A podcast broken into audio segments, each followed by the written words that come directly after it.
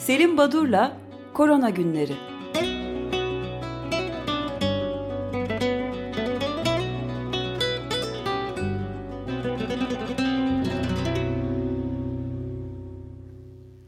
Günaydın Selim Badur, merhabalar.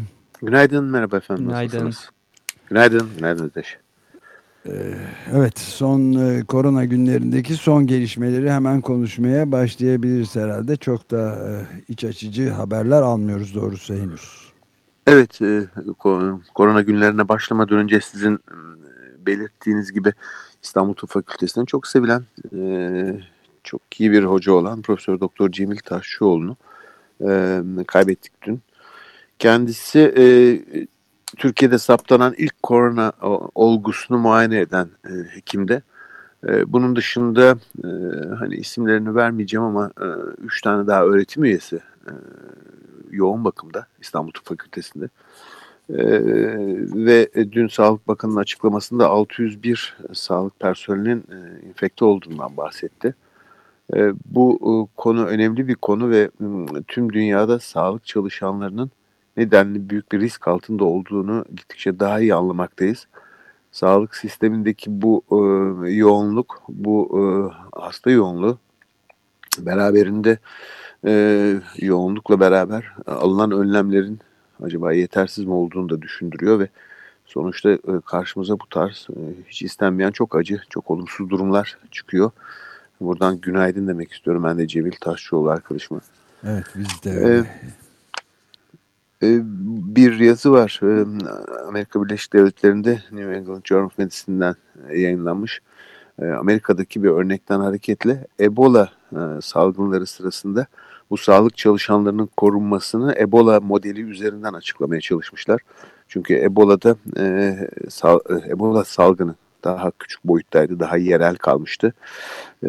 Enfekte olan sağlık çalışanlarının %50'si, yarısı yaşamını yitirmişti ve yapılan hesaplamalarda e, toplumdaki e, hastalığı kapma oranlarıyla kıyaslandığında sağlık personelinin 32 misli daha fazla e, hastalık e, kapma riski taşıdığı gösterilmişti ve e, kendilerini e, Personal Protective Equipment kısaca PPE denilen e, bir e, yaklaşımla neler yapmaları gerektiği ve nasıl korunmaları gerektiği anlatılıyordu. Ama sonunda gördük ki biz e, o dönemde Amerika Birleşik Devletleri'nde de e, oradan bildirilen rakamlarda banda, bandanalarla falan korunuyordu e, sağlık personeli. Buraya doğru gitmeyelim e, herhalde. Bu Ebola e, örneğini ve Ebola modeline bakıp sağlık çalışanlarının çok daha doğru düzgün korunması lazım. E, yani dün mesela e, yetkililer N95 denilen sadece sağlık personelinin kullanmasına uygun olduğu maskeleri dağıttıklarını ve 8 saat kullanılsın bu daha fazla değil falan diyorlardı. Bu maskeler yarım saat kullanılır, 8 saat kullanılmaz. Ee, ve o maskeler e, hani toplumda da tartışılıyor kullanalım mı kullanılmıyor mu diye N95 maskelerini e, taşımak ve ondan soluk alıp vermek çok güçtür. Yani bu çok özel e, durumlarda e, takılması ve kullanılması gereken maskelerdir. Bazen e, şu son günlerde çok anlamsız tartışmalar olduğunu görüyoruz. E, siz her ne kadar İçişleri Bakanı'nın söylevlerine e, güveniyorsanız da e, ben o konuda sizinle hemfikir olmadığımı belirteyim. Şimdi Ben e, de bu arada pardon bir ufak e, parantez açabilir miyim? buyurun elbette tabii. A- Buyurun. Amerika Birleşik Devletleri Başkanı Donald Trump e, bu sizin biraz önce sözünü ettiğiniz koruyucu malzemenin tükenmekte olduğunu, neredeyse bitmiş olduğunu söylemiş. Çünkü doğrudan doğruya hastanelere gönderiyoruz gibi akıl sır ermez bir açıklama yapmış. Yani başka nereye gönderecekti zaten ama bitiyor demiş. Daha önce de CNN e, International televizyonu e, stratejik ulusal e, depolarında bitmekte olduğunu ve son envanterdeki son şeyleri yapmış olduklarını, yüklemeleri yapmış olduklarını ve artık koruyucu e, malzemelerin Amerika Birleşik Devletleri'nde tükenmekte olduğunu söylemiş ki hakikaten insan ne diyeceğini e, bilemez hale geliyor. Dünyanın en zengin ve en güçlü ülkesinden bahsediyoruz. Evet Amerika Birleşik Devletleri dediniz. E, Dün çeşitli modellerle yapılan hesaplamalar çeşitli simülasyon çalışmaları 240 bin e, kişinin Amerika Birleşik Devletleri'nde yaşamını yitireceğinin öngörüldüğünü söylüyordu. Bu galiba Buradan hareketle... iyi, iyi, görece iyi evet, olan evet, senaryo yani değil mi? Abartılı değil, abartılı değil. İnsanları birden çok e, bu da olur mu canım diyor belki bazı kişiler ama hayır öyle değil. E, ve e, hani Türkiye'ye birkaç şey söylemek istiyorum. Hani rakamlar doğru mu değil mi, gerçeği mi yansıtıyor, saklanıyor mu? Bütün bu polemiklere, bu spekülasyonlara e, rağbet etmemek lazım ama bilinen bir şey var. Biz e, sürekli sağlık yetkililerinden ya da e, Ankara'daki merkezi otoriteden e, ilk günden itibaren sürekli olarak her şeyin ne kadar yolunda gittiği, her şeyin ne kadar e, e, düzgün kararlarla kontrol altında olduğu söylenmekte. Yani sürekli olarak biz e, kit üretiyoruz, e, aşı üreteceğiz, antikor üreteceğiz, e, ürettiğimiz malzemeleri yurt dışına satıyoruz, herkese yardım ediyoruz, hiç sorunumuz yok falan. Yani bu, bunlar pek inandırıcı olmuyor artık. Yani bunlar çocuk kandırır gibi bunları söylemekte, yenilemekte de bir yarar yok. Yani neyi tartışıyoruz ki e, durum meydanda. Solunum ee, cihazları falan da üretildiğine dair evet. de damat beyden de ikinci damattan da bir açıklama gelmişti. Valla İngiltere'de ait bir şey söyleyeyim size. Siz e, solunum cihazı dediğiniz için aklıma geldi. Bu notu e, biraz sonra söyleyecektim ama hemen belirteyim. İngiltere'de bu solunum cihazlarını kim üretiyor? Biliyor musunuz? Hayır. Mercedes Formula 1 fabrikalarında üretiliyor. Burası görevlendirilmiş. Mercedes'in e, dünya e, sağlığına bir katkısı olarak sunulacak herhalde yakında. Peki e, bu e, durumda e, Ajans France Press'in e, bir haberiyle e, isterseniz e, bugünkü birkaç notu iletmeye başlayayım. 1945 dünya krizinden sonra yaşanan en büyük kriz olarak tanımlamış Ajans France Press e, bu yaşananları ve massacre silencieux diyor yani sessiz katliam e, olmakta evet. ve yaşanmakta diye belirtmekte. Tanım böyle. E, çarpıcı bir e, tanımlamaydı. E, farklı ülkelerde tabii bir takım yerler var ki biraz önce e, Özdeş bahsediyordu, isimlerini saydı. E, bazı ülkelerden hiç haber yok e, ve siz birkaç program önce e, Hindistan'da ne olup bittiğini sormuştunuz. Biraz daha bilgi var Hindistan'a ait. E, şimdi e, Narendra Modi başbakan 1.3 e, milyar Hintlinin 21 e, gün sokağa çıkmasını engelledi. Ama yapılan modellemeler yaklaşık 300 milyon ile 500 milyon arasında Hintlinin enfekte olacağını ve 30 milyon kadar en az 30 milyon kadar kişinin ağır hastalık geçireceğinin hesaplandığını gösteriyor. 30 ee, milyon. 30 milyon kişi ağır hastalanacak. E, tabii ağır hastalanacak denince hastane olanaklarına bakmak lazım. E, bin kişiye düşen e, hastane yatağı işte İtalya'da e, bin kişiye e, 3.4, e, Amerika Birleşik Devletleri'nde 2.8, Türkiye'de 2.8, Amerika'da 2.9, Hindistan'da 0.7 e, yatak düşüyor. E, oldukça az e, sayı ve e, 50 binden daha az ventilatör dediğimiz bu cihazlardan var. E, bu olanaksızlıkların yanı sıra e, örneğin Çin'den e, 10 bin e, ventilatör almayı e, öngörmüşler. 23 milyarlık bir ekonomik paketi 26 Mart tarihinde devreye soktu e, Hindistan hükümeti. Özellikle yoksul kesimi desteklemek için onlara e, tahıl dağıtıyorlar. Yani arpa ve buğday dağıtıyorlar küçük torbalarda ve e, 83 milyon aileye de ücretsiz e, doğalgaz e, vermeyi vaat etmişler günlükte e, yaklaşık 200 milyon kadına so, e, gelecek 3 ay için günde 6 dolar, e, ayda pardon, ayda 6 dolarlık bir e, nakli yardımda bulunacaklarmış. E, tabii ayda sadece 6 dolar. Alt, evet tam tam rakamı söyleyeyim 6.65 dolar. Niye fazla mı geldi size? E, yani günlük şeyini bölmeye çalıştım vazgeçtim matematiğim. Kara evet. cümlem zayıftır zaten bölemedim. Peki tabii sadece Hindistan'dan bahsetmeyelim Mumbai'den gelen haberlere. E, civardaki Bangladeş, Sri Lanka, Pakistan'da da pek iç açıcı değil. Afrika ülkelerinden birçoğunda e, henüz herhangi bir haber alınmış değil. Şimdi bu e,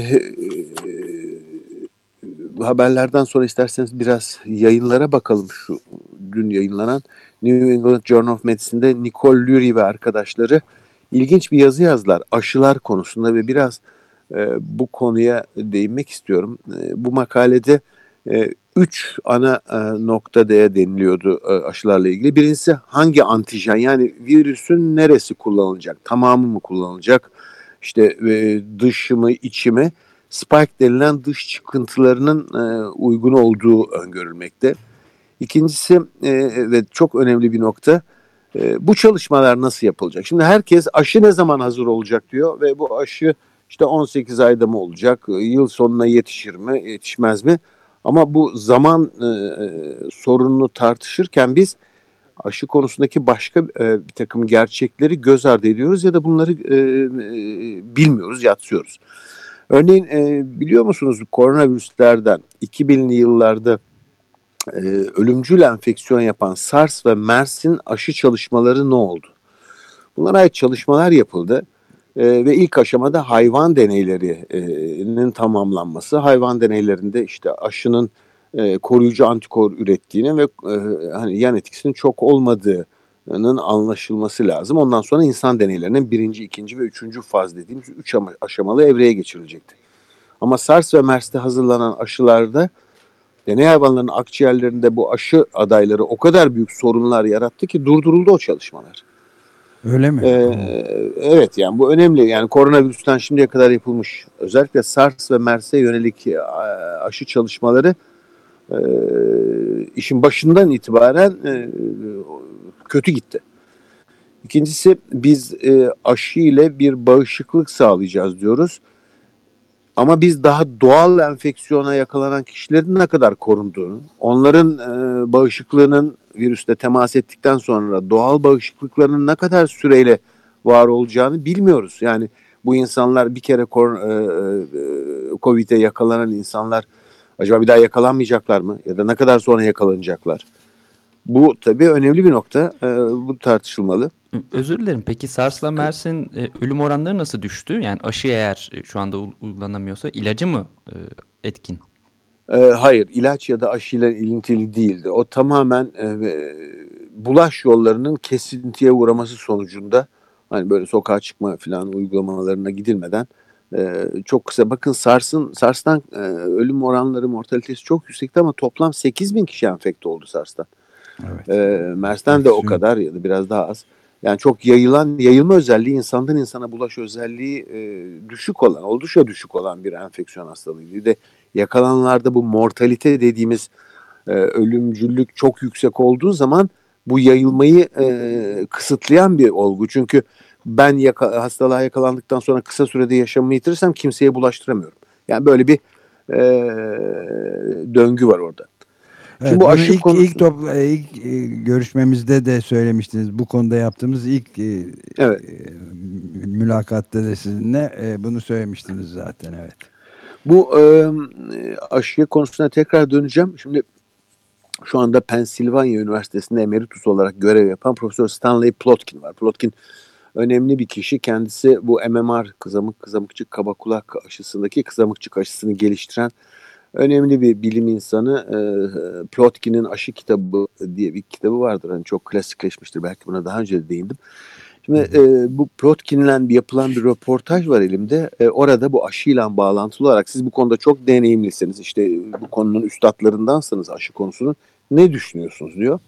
Şimdi ilginç bir nokta var. Diyelim ki biz fare de, e, ve hayvan deneylerini tamamladık. Orada SARS ve MERS aşılarıyla ilgili e, aşı hazırlamasında karşılaştığımız sorunlarla karşılaşmadık. İnsan deneylerine başlayacağız. Ve biliyorsunuz bir e, genç hanım e, 30'lu yaşlarında galiba e, kolundan aşı yaptırılırken ilk e, gönüllü aşı e, çalışması kendisine yapılmıştı. Peki biz bu aşıyı e, aşının etkinliğini insanlarda nasıl saptayabileceğiz? Şimdi bir yöntem var bu influenza yani grip ve kolera için yıllar önce yapıldı. Ee, siz e, aşı adayınızı bir takım gönüllülere veriyorsunuz. Ondan sonra da canlı virüsü, mikrobu veriyorsunuz. Acaba e, korunacak mı diye. Yani tedavisi olan, e, hani ölümcül olmayan e, bir takım hastalıklarda bunu yapabilirsiniz. Ama bunun tabii etik sorunları var ve artık böyle yaklaşılmıyor. yapılan şey HIV-AIDS e, aşısında yapıldı. Örneğin riskli grup diye e, tanımlanan seks işçileri Tayland'da bunlar ikiye ayrıldı. Biner kişilik iki grup. Bir tanesi gruba aşı yapıldı, diğerine yapılmadı. Normal e, kendi e, yaşam biçimleriyle beraber 3 sene sonra aşılananlarda ne oldu, aşılanmayanlarda ne oldu diye kontrol edildi. Bir de böyle bir yöntem var. E şimdi siz e, bu e, ne yaptığı SARS ve MERS'teki gibi e, akciğerde hasar mı oluşturacak? E, bağışıklık süresi ne kadar, ne tür bir yan etkisi olacak bilmediğiniz bir insan için kullanacağınız aşı adayının kontrolünü nasıl yapacaksınız? Şimdi bu etik tartışma tabii e, devrede. Yoksa hani aşının teknik olarak ne zaman hazır olacak? Sanki bu e, marketten bir, bir şey alıyormuş gibi de ne zaman gelecek mal da alacağız gibi konuşuluyor. Bu kadar basit değil. E, çünkü e, gerçekten e, deniyor ki bir de suç olarak yani virüs olarak hangi virüsü kullanacağız? Hangi virüsün parçasını? Bazıları diyorlar ki 18-30 yaş diliminde hastalık genelde daha hafif seyrediyor bunlardaki virüsü alalım. Bazıları diyorlar ki işte bu grubun içinde hafif enfeksiyon geçirenlerin virüsünü alalım. Tabi o virüs mü hafif hastalığa yol açıyor yoksa bireyin kendi özellikleri mi o bilinmiyor. Bazıları diyorlar ki e, laboratuvarda bir farklı genleri birleştirip hani e, virüsü andırır bir yapı oluşturalım bunu kullanalım. Yani e, bu aşı konusu zannedildiği kadar e, basit değil ve bir takım etik e, sorunları da halledilmesi gereken sorunları da beraberinde getiriyor. Bu önemli bir nokta. Ee, özellikle e, aşı konusunda hani hep soruluyor ne zaman gelecek? Yıl sonu gelecek. O kadar basit değil. değil. Onu vurgulamak istedim. Ee, bu aşı konusu önemli. Çalışmalar nasıl yapılacağı konusunda henüz karar verilmiş değil. Evet. Ee, bağışıklık deyince tabii e, bir başka önemli nokta. Hastalığı geçirdi diyelim ki e, Haziran ayına geldik. Sokağa çıkma yasakları biraz e, serbest olmaya başladı. İnsanlar yavaş yavaş işlerine dönüyor. Bu arada Covid geçiren insanlar var. Konvalesan dönemde, iyileşme döneminde. Bunlar işlerine başlasınlar mı, başlamasınlar mı? Bunlar hala virüsü yayma olasılıkları var mı? Tekrardan virüs çıkartılarında bulunacak mı? Bunu da bilmiyoruz. E, bu da ayrı bir sorun yani iş dünyası açısından. E, Covid geçirenler hemen işe başlasın mı? Ya da 6 ay bunları bekletmek mi lazım? Ne kadar bağışıklık yapılacağı, e, bırakacağı bilinmiyor. Bu da önemli bir nokta. E, bunun dışında dünkü çalışmalara bakıyorum. Lancet Infection Disease dergisinde François Xavier Lescure ve arkadaşları Paris Bichat Claude Bernard Hastanesi'nden hastaları 3 gruba ayırmışlar. E, semptomları olan olgular bunların dışkılarında virüs atılımına bakmışlar. Önemli bir grup, bu önemli bir durum dışkıyla atılma e, buna ısrarla dikkat edilmesi gerektiğini ve özellikle hastanelerde ve e, evlerine gönderilen e, hafif olgularda tuvalet bakımının ve dezenfeksiyonunun özellikle çamaşır suyu kullanarak dikkat edilmesi lazım. yani şu anda e, dışkıdan oral fekal yolla bulaş gösterilmedi ama e, dışkıda var ve atılıyor dışkıdan virüs. Bu önemli unutulmamalı. Bir diğer grup e, özellikle e, nazofaringel yani burun, e, boğaz ve nazofarenks örnekleri alındığında e, virüsün e, zaman içine de kaybolmasına, azalmasına rağmen hastalığın ilerlediği gösteriliyor. Bu da dikkati e, alınması gereken bir özellik. Bir de 80 yaşını e, üstünde olan ve sonunda kaybedilen ağır olgularda çoklu organ tutulması saptanmış otopsilerinde ve kanlarında da virüs bulunuyor. Şimdi biz diğer solunum etkenlerini örneğin influenza grip et, e, virüsünü dışkıdan e, hiç e, bağdaştırmadık. Hiç dışkıda bulunduğunu ya da kanda bulunduğunu hiç gösterilmedi. Bunlar yok e, diğer solunum virüslerinde. Ama burada e, kanda ender de olsa ama %30 oranında dışkıdan da bu virüs çıkıyor. Bu ilginç ve önemli bir nokta. Böyle bir şey hiç görmedi e, mikrobiyoloji. E, e, evet. Tabii özellikle e, British Medical Journal'da e, Josia Kimetovic'in yazdığı bir yazı var. Bazı gruplar, bunlar risk grupları, organ nakli olanlar, kemik iliği transplantasyonu yapılanlar, bazı tür kanser ve kemoterapi alanlar, ağır astımı ve koa olanlar bunların e, sokağa çıkmama e, kısıtlamalarının 12 hafta sürmesi gerektiğini yani diğer insanlardan farklı olarak 12 hafta süreyle sokağa çıkmamalarını söylüyorlar. 3 ay yani evet. Evet en azından e, tabii bir de Lancet'te Hans Henry Klug ve arkadaşları özellikle geçme, göçmenler ve sığınmacılar konusuna bu e, kamplarda barındırılan kişilerin bu yakın temaslarının hani sosyal mesafe falan diyoruz. Ne sosyal mesafesi insanlar birbirlerinin üstünde yaşıyorlar. Bunların e, nasıl olacağını ve sağlık sistemine nasıl dahil edilmeleri gerektiğinin tartışılması gerektiğini önemli bir nokta olduğunu söylüyorlar. Hiçbir yerde e, bu kamplarda, bu sığınmacıların, göçmenlerin barındığı kamplarda ne Yunanistan'da ne Türkiye'de ne olup bittiğine ait herhangi bir yayın şimdiye kadar yok, çıkmadı bir evet. haber de yok. Yok ne yazık Büyük bir belirsizlik devam ediyor. Peki bu noktada isterseniz bitirelim. Evet yine karamsar ve hep e, kötü e, haberler verdiniz diyecekler ama e, ne yapayım elimde de iyi haber yok yani. Evet maalesef öyle. Yok biz verdik iyi haberleri zaten hem e, Trump'tan evet, ama hem sizden de... farklıyım yani. Siz İçişleri Bakanı'na güveniyorsunuz biliyorum ama. Evet. Benim o. Ve Trump'a. Ve Trump'a. Bir de bir de Acun Ilıcalı'ya. Bu üç kişiye çok ha, onu bilmiyorum ne dediğini öyle mi? Evet, e, biz bizde yok demiş ve devam edecek demişti.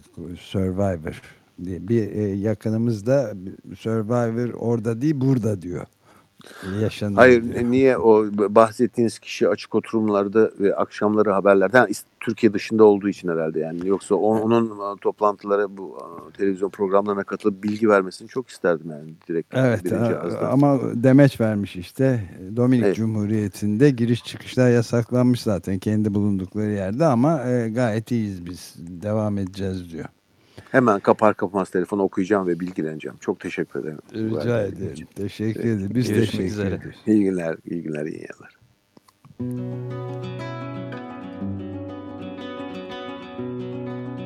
Selim Badur'la Korona Günleri